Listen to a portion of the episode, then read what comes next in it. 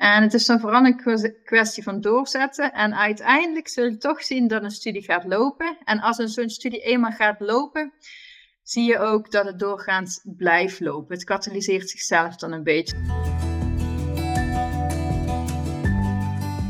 In de serie proefschriften, u aangeboden door Oncologie.nu, spreekt AJOS interne geneeskunde Dr. Tessa Steenbrugge met promovendi over hun proefschrift.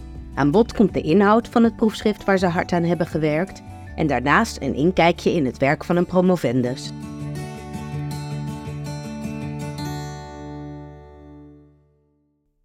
Vandaag spreek ik Lisanne Hoeben. Zij heeft geneeskunde gestudeerd aan de Universiteit van Maastricht. Daarna heeft zij als artsassistent gewerkt binnen de revalidatiegeneeskunde en op de IC. In 2017 begon zij met promotieonderzoek gericht op bewegen en dan voornamelijk krachttraining tijdens de behandeling van prostaatkanker. Daar gaan we het in deze podcast uitgebreid over hebben. Lisanne gaat op 11 januari 2024 haar proefschrift getiteld Exercise Training in Prostate Cancer Patients on Androgen Deprivation Therapy verdedigen aan de Universiteit Maastricht. Momenteel is Lisanne in opleiding tot revalidatiearts bij de Sint Maartenskliniek in Nijmegen en in haar vrije tijd gaat zij graag hardlopen met haar hond Kiki. Nou, Lisanne, welkom. En we hebben afgesproken, we duiken meteen in jouw eigen promotieonderzoek. Uh, was het een lang gekoesterde wens om promotieonderzoek te gaan doen? Ja, ja, het doen van wetenschappelijk onderzoek, dat trok me eigenlijk al langere tijd. Maar daarbij vond ik het wel belangrijk dat ik een onderwerp had wat me echt aan het hart lag. En het onderzoek moest ook meerwaarde hebben voor mijn verdere carrière als arts. Want om enkel een promotietraject te doen voor de titel, ja, daar zag ik eigenlijk de meerwaarde niet van in. En ja, toen kwam dit promotietraject voorbij. En dat sloot echt perfect aan bij mijn interesse. En daarbij was het ook een onderzoek waarbij we het volledige onderzoek van A tot Z zelf zouden uitvoeren waardoor ik ook alle facetten van het doen van wetenschappelijk onderzoek uh, zou leren. Nou, heel mooi en heel mooi dat die wens zo uh, tot uh, vervulling is gekomen. je hebt je tijdens jouw onderzoek verdiept in de toegevoegde waarde van krachttraining bij patiënten die behandeld worden voor prostaatkanker. hoe kwam je op deze plek terecht? Nou eigenlijk is het zo dat het menselijk bewegingsapparaat en bewegen aan zich, dat interesseerde me al vanaf mijn middelbare schooltijd. En ik heb toen ook nog een tijd getwijfeld of ik niet bewegingswetenschappen zou gaan uh, studeren. Maar goed, dan zag ik mezelf in een witte jas ergens alleen op een lab staan en dat was ook niet helemaal het plaatje wat ik voor me had. Ik wilde met mensen werken, dus toen ben ik geneeskunde gaan uh, studeren. Maar uh, ja, dat stukje bewegen, dat bleef mij trekken waardoor ja, de revalidatie en de sportgeneeskunde al snel mijn aandacht trokken. En ik ook binnen beide disciplines coachschap heb gevolgd. En ja, toen uh, viel de keuze op de revalidatiegeneeskunde, waar ik ook als artsassistent ben gaan werken. En al heel snel wist ik dat ik daarin verder wilde. Maar dat stukje onderzoek, dat begon me ook steeds meer te kriebelen. En op een gegeven moment werd ik toen geattendeerd op dit promotietraject. Ja, en dat sprak me gewoon heel erg aan. En ja, uiteindelijk werd ik daar ook op aangenomen. Nou, wat fijn, wat goed. Um, ja, het gaat over androgeen uh, deprivatietherapie. Dat is de hoeksteen van de behandeling van lokaal gevorderde of gevorderde prostaatkanker. En door het reduceren van testosteron tot castratieniveau, zo noemen we dat, wordt de progressie van de tumor geremd, wat uiteindelijk beter uh, de overleving weer verbetert. Kan jij de luisteraars uitleggen wat androgeen deprivatietherapie is? Ja, zeker. Ja, van testosteron weten we dat het de groei van prostaattumoren stimuleert. Nou, vandaar dat je dat testosteronniveau omlaag wilt brengen. En vroeger werd dat bijvoorbeeld gedaan door een daadwerkelijke castratie. Eh, maar tegenwoordig kan dat ook met medicatie, de zogenoemde androgeen-deprivatietherapie. En die zorgen voor chemische castratie. En dat doen ze doordat ze of bijvoorbeeld de productie van testosteron remmen, waardoor het niveau van testosteron in je bloed heel erg laag wordt. Of het voorkomt dat testosteron kan aanhechten op zijn receptoren op, het, op de verschillende weefsels en daardoor ook zijn werk niet kan doen. Ja, en dat werkt dus heel goed hè, voor patiënten die voor prostaatkanker behandeld worden, maar heeft ook veel bijwerkingen. Nou, daar gaan we het in deze podcast uitgebreid over hebben. En wat zijn nou in algemene zin de bijwerkingen waar patiënten mee te maken krijgen? Ja, ja, ja testosteron is natuurlijk ook het, het natuurlijke mannelijke geslachtshormoon. En het kent ook vele fysiologische functies. Waardoor je ook kunt bedenken dat je inderdaad allerlei bijwerkingen krijgt als je het gaat onderdrukken. Waaronder veranderingen van lichaamssamenstelling, waar we inderdaad in ons onderzoek ook uitgebreid naar hebben gekeken. Dus denk aan het verlies van spiermassa, toename van spierkracht. Dat kan wel leiden tot metabole stoornissen, mogelijk zelfs ook tot cardiovasculaire problemen. Maar we zien bijvoorbeeld ook dat die mensen meer kans hebben op osteoporose, verhoogd risico op botbreuken erbij, opvliegers, seksuele dysfunctie en ook de kwaliteit van leven kan erdoor afnemen. Ja, een hele onnatuurlijke staat voor mannen om in terecht te komen. En uh, je zei het al specifiek, de lichaamssamenstelling uh, verandert ook. Kan je dat uitleggen? Wat verandert er precies? Ja, wat we dus zien is, testosteron is belangrijk voor het in stand houden van spiermassa. Dus we zien dat die mensen eigenlijk een versnelde afname van spiermassa hebben, daarbij ook spierkracht, terwijl de hoeveelheid vetmassa juist toeneemt.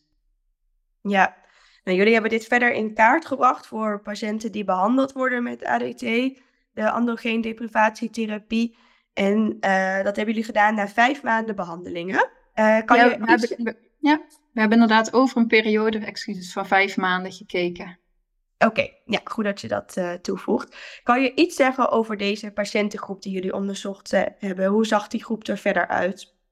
Ja, voor die studie hebben we uh, uiteindelijk 34 prostaatkankerpatiënten geïncludeerd die net gestart waren met de behandeling middels die androgeendeprivatietherapie, kortweg ADT genoemd. En gemiddeld waren deze mannen rond de 70 jaar oud en ze hadden licht overgewicht, een BMI rond de 26. En uh, ja, zoals gezegd waren ze juist gestart met die hormoontherapie. Zo wordt ADT ook wel genoemd. En de gemiddelde duur was 26 dagen bij de aanvang van de studie. En die groep komt dat dan ongeveer, ongeveer overeen met de gemiddelde man in Nederland van 70 jaar? Ja, we hebben dat in dit onderzoek niet uh, specifiek vergeleken. We hebben geen groep met gezonde mannen geïncludeerd, maar we vermoeden het wel. Ja, oké. En kregen deze mannen naast de androgeendeprivatietherapie ook nog een andere behandeling voor hun prostaatkanker? Ja, dat klopt inderdaad. Ruim de helft, zo'n 56% van die mannen, die ondergingen ook nog aanvullende behandeling in de vorm van of bestraling of chemotherapie tijdens onze studieperiode. Oké, nou goed om in het achterhoofd te houden. Uh, wat hebben jullie bij deze mannen allemaal gemeten? Nou, we hebben naar meerdere uitkomstmaten gekeken. Uh, zo hebben we gekeken naar de lichaamssamenstelling, dus naar zowel de vet als de lichaamsspiermassa. We hebben ook gekeken naar hun fysieke mogelijkheden, namelijk de spierkracht en het aerobe vermogen, dat is ook bekend als het duurvermogen. En we hebben ook nog naar de metabolische gezondheid en de kwaliteit van leven gekeken. En dat hebben jullie dan gemeten op baseline en na vijf maanden of tussendoor ook nog? Nee, dat klopt inderdaad. Dus het eerste meetmoment was bij aanvang van de studie, dus bij inclusie. Toen hebben we al deze metingen verricht. En twintig weken later hebben we al die metingen nog eens herhaald. Om inderdaad te kijken wat over die periode van twintig weken, ongeveer vijf maanden, gebeurt inderdaad. Ja, nou, dan uh, gaan we nu naar wat jullie gevonden hebben. Ja, als eerste de lichaamssamenstelling. Uh, eerst hebben we met een DEXA-scan gekeken naar het lichaamsvetmassa. Uh, en daarbij zagen we dat de mannen toenamen in vetmassa. We zagen zelfs een toename van ruim 2 kilo in slechts 20 weken tijd. Ja, ja. Behoorlijk veel. We hebben ook gekeken naar spiermassa. Dat hebben we gedaan door een CT-scan van het bovenbeen te maken. En daarvan zagen we dat die juist afnam. En hetzelfde gold voor de spierkracht in de benen. Ook dat nam af. Tot slot hebben we ook het aerobe inspanningsvermogen, hè, ofwel het duurvermogen gemeten. En ook dat bleek af te nemen bij deze um, mannen. En de kwaliteit van leven had je nog uh, bekeken, ja, toch? Ja, we hebben inderdaad ook nog naar de kwaliteit van leven en de metabole gezondheid gekeken. Voor de kwaliteit van leven zagen we ook dat mensen een, ja, een achteruitgang van een ervaren levenskwaliteit, gerelateerd aan hun gezondheid, zagen. Ze ervoeren ook meer vermoeidheid. En verder zagen we met betrekking tot de metabole gezondheid dat de nuchtere insulinespiegel juist toenam. Nou, best wel veel uh, nadelige effecten van de behandeling. Uh, maar gelukkig hadden jullie meteen uh, het plan om daar ook wat aan te gaan doen. Hè? En nou, dat was een krachttrainingsprogramma en daarnaast eiwitsuppletie om eigenlijk de negatieve effecten van de hormoontherapie te verminderen. Waren dat dezelfde patiënten die meededen aan dat onderzoek? Ja, dat klopt inderdaad. Het was, uh, we hebben dus deze mensen in de controlegroep gehad, waarbij we echt keken naar het effect van uh, hormoontherapie op de genoemde uitkomstmaten. En daartegenover hebben we twee trainingsgroepen gezet. en deze mensen waren ook prostaatkankerpatiënten die behandeld werden met ADT. En deze mensen die werden gerandomiseerd voor of een groep met krachttraining en daarbij eiwitsuppletie. En de andere groep kreeg hetzelfde krachttrainingsprogramma, maar die kregen daarbij een placebo-supplement.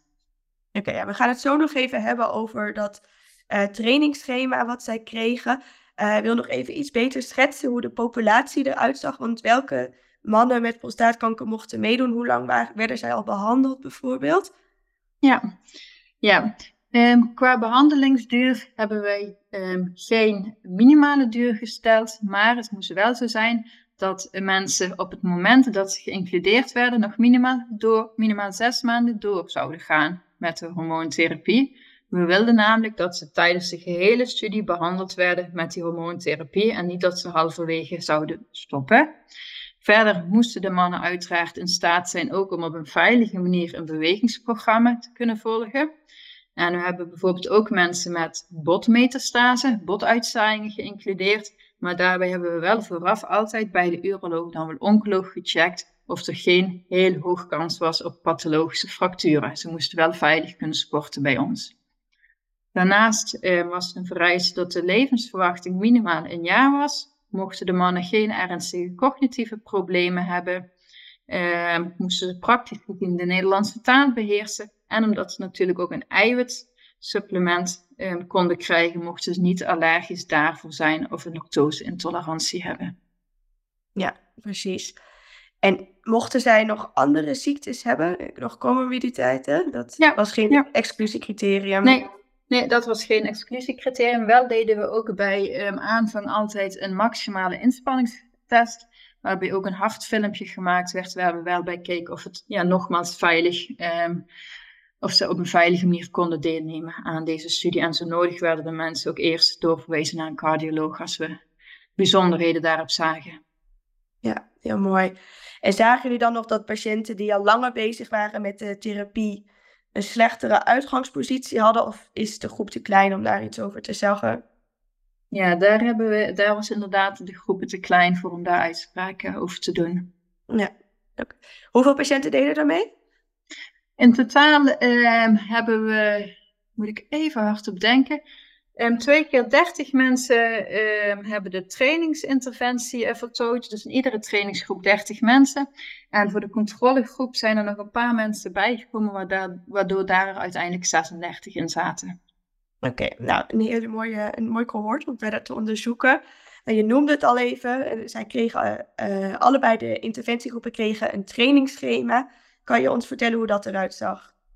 Wat we deden is dat we deze mensen 20 weken lang getraind hebben. En daarbij kwamen ze twee keer per week een uur bij ons trainen. En voor die trainingen maakten we gebruik van krachtapparatuur en trainen we het gehele lichaam. Dus zowel het boven- als het onderlichaam. En onze training, trainingen waren in opzet progressief. Dat betekent dat de trainingen in de loop van de tijd steeds wat zwaarder werden. En dat deden we door te trainen in cycli van vier weken, waarbij in de eerste drie weken de trainingen steeds wat zwaarder werden, gevolgd door een relatieve rustweek om blessures te voorkomen en ook om um, te zorgen dat de mensen goed konden herstellen van um, de voorgaande drie weken. Vervolgens deden we weer een spierkrachtmeting om de spierkracht op dat moment in kaart te brengen en daarop bouwden we weer voor om de trainingen voor de komende cyclus te maken. Ja, dus eigenlijk per patiënt die meedeed een individueel trainingsschema. Kan ik dat zo zeggen? Ja, dat kun je zo zeggen, wat wel was opgehangen aan een bepaald protocol, inderdaad. Ja, precies. En zei ze kwamen bij ons en dat was binnen een plek van de revalidatiegeneeskunde in Maastricht. Daar werd ja, dus Dit was binnen ehm, de vakgroep Humane Biologie in Maastricht, waar we dit onderzoek hebben um, gevoerd in samenwerking met het IKNL en meerdere ziekenhuizen. En die trainingen verrichten we inderdaad um, in Maastricht, waar we een trainingsruimte hebben. En we hadden ook een trainingsgroep in het Maxima Medisch Centrum in Eindhoven. En hebben alle patiënten het volgehouden, het hele trainingsprogramma? Ja, uh, nou we hebben natuurlijk, dat is niet het geval, want we hadden natuurlijk te maken met um, corona. Oh, dat is helaas ja. tijdens het um, trainingsprogramma, of tijdens de studie eigenlijk opkomen zetten. En toen hebben we de training um, ja, stop moeten zetten, want we trainden namelijk ook in groepjes van maximaal vier mannen. Dat kon natuurlijk in die tijd niet. Dus daardoor hebben we een behoorlijke uitval helaas gehad in onze studie. Nou, wat jammer. Terwijl het zo'n mooi opgezette studie was. Ja. Um, en een ander, we moeten het toch even hebben over wat er wel uit de studie is gekomen. Een ander onderdeel van de studie was nog dat uh, één groep een eiwitsuppletie kreeg. En ja. dat was nog een losse onderzoeksvraag, hè, of dat uh, meerwaarde had in het opbouwen van spiermassa. Ja, ja, dat klopt uh, inderdaad. Dat was eigenlijk onze, onze tweede vraag. Dus de eerste vraag van, goh, heeft krachttraining wel effect op deze mensen? Dus testosteron missen, wat een belangrijk anabole hormoon is. Maar daarnaast willen we ook kijken of extra eiwit meerwaarde heeft, omdat we ook van eiwit weten dat het heel erg belangrijk is voor een adequate um, aanpassing na training. Um, dus daarom hebben we één groep van de mannen een eiwitsupplement gekregen, gegeven. En dat bevatte 31 gram wei-eiwit, wat ze na iedere trainingssessie en elke avond voor het slapen gaan innamen. En de andere groep die kreeg een placebo. En wij als onderzoekers, maar ook de patiënten, wisten niet wie welk supplement um, kreeg. Oké. En kregen de patiënten dan nog wel een ander advies om eiwit gewoon uit yoghurt of iets anders in te nemen na de trainingen? Ja, wij gaven geen uh, specifieke adviezen daarop. Sommige mensen informeerden daar natuurlijk wel. Daarbij gaven we de algemene adviezen, inderdaad. Maar we uh, probeerden dat mensen zoveel mogelijk hun eigen voedingspatroon aanhielden. Ja, oké, duidelijk. Kan je zeggen wat er uitkwam na het trainingsschema van de 20 weken voor de patiënten die evalueerbaar waren? Ja, nou wat we zagen is, um, als we weer het rijtje afgaan, als eerste naar lichaamssamenstelling. Um, daar zagen we bij de vetmappen, waar we in die controlegroep die toename van ruim 2 kilo in, in de 20 weken zagen, zagen we dat in die trainingsgroepen die toename minder groot of zelf afwezig was. Um, voor spiermassa, waarvan we zagen dat het afnam in de controlegroep, zagen we in de trainingsgroepen juist dat spiermassa niet alleen behouden bleef door de trainingen, maar zelfs toenam. Het, dat was echt heel mooi om te zien. Hetzelfde gold ook voor spierkracht, ook dat nam toe.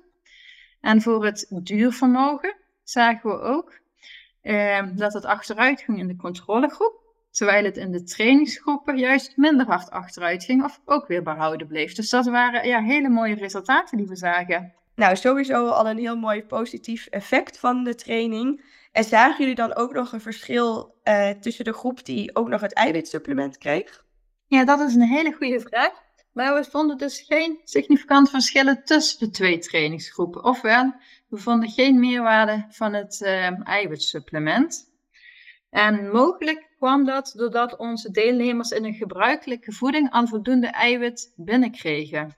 We hebben namelijk ook hun eigen, dat noem je ook wel de habituele voedingsinname in beeld gebracht, middels het gebruik van voedingsdagboekjes. En daarmee zagen we dat hun eigen, habituele eiwitinname al rond de 1,1 gram per kilogram lichaamsgewicht per dag lag. En dat is eigenlijk vergelijkbaar met wat jij en ik uh, zullen innemen. En daarmee is dat waarschijnlijk ook al voldoende geweest om die training geïnduceerde aanpassingen te faciliteren, waardoor extra eiwit geen meerwaarde meer heeft geboden. Nou, dat is ook een geruststelling, denk ik, voor uh, heel veel patiënten en, uh, en dokters. Ja, ja zeker. Wij, ja.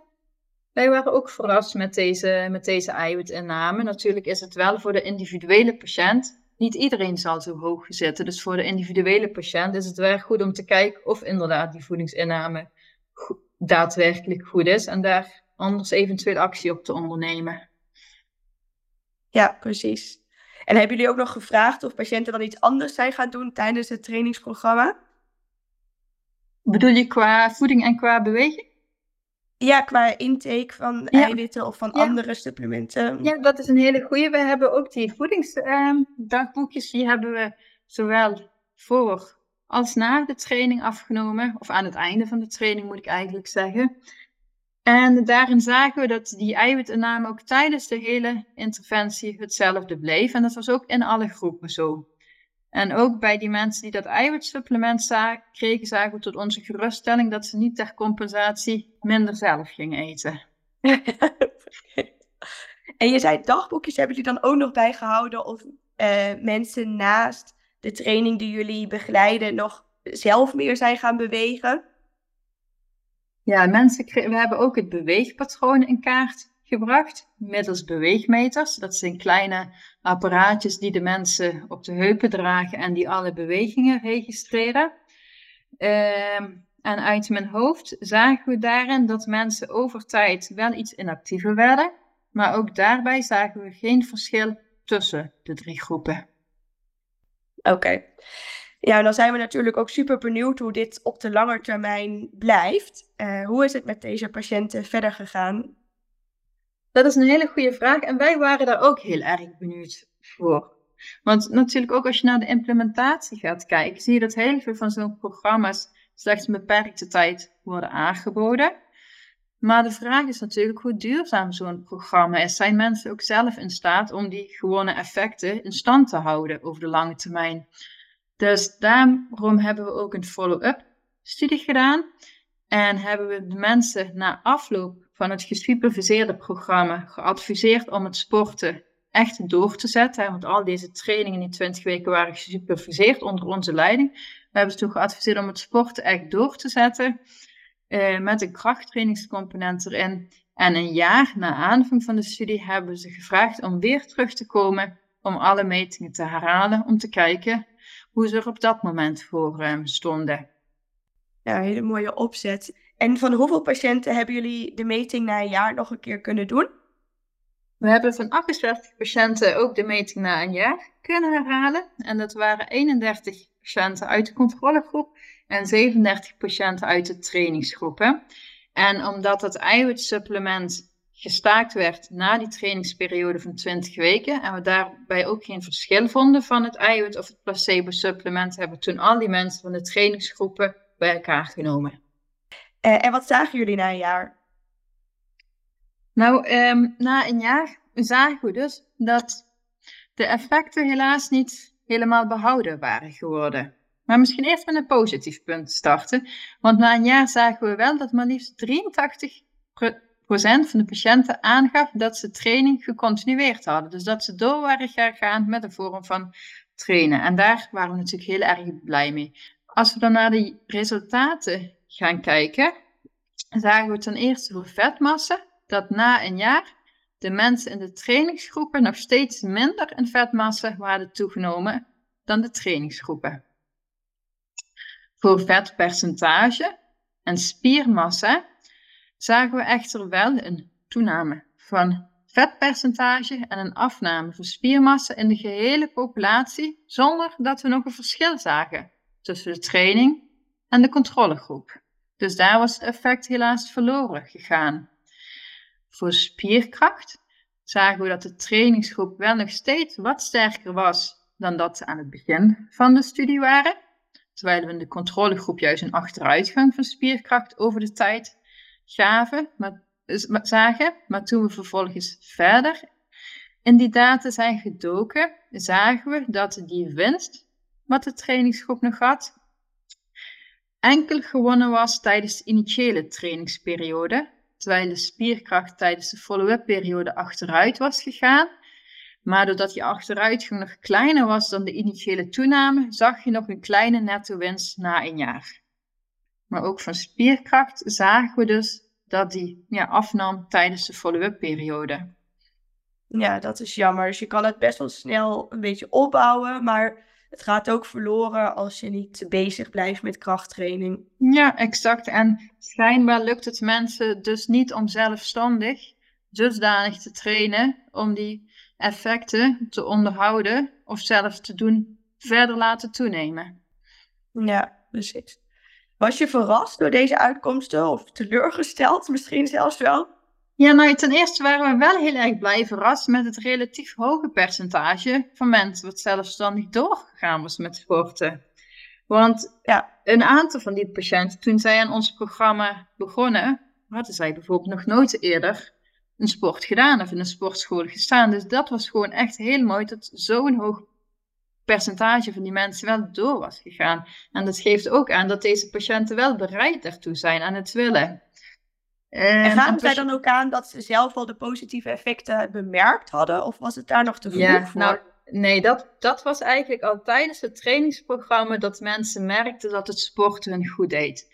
En niet alleen fysiek, ze voelden zich fitter, maar ook mentaal doet sporten gewoon veel met je. En daarbij was het ook nog zo dat wij de patiënten in groepjes trainden. Dat waren kleine groepjes van eh, maximaal vier mensen. Waardoor je ook een soort lotgenootcontact enerzijds kreeg op een heel laagdrempelige manier. Want alle mensen kregen dezelfde behandeling. Ehm, en op een gegeven moment was het ook een hele fijne manier voor die mensen om het ook over de vervelende dingen van de hormoontherapie te hebben. Bijvoorbeeld opvliegers, waar je het niet gauw met iemand anders over zult hebben. Maar zag je ook dat mensen zich onderling heel erg pakten en dat het gewoon heel erg leuk en gezellig was. Ja, ja. Um, dus tijdens de trainingen kregen we al hele positieve reacties van, uh, van die mensen. Wat goed, wat een mooi resultaat ook. Ja.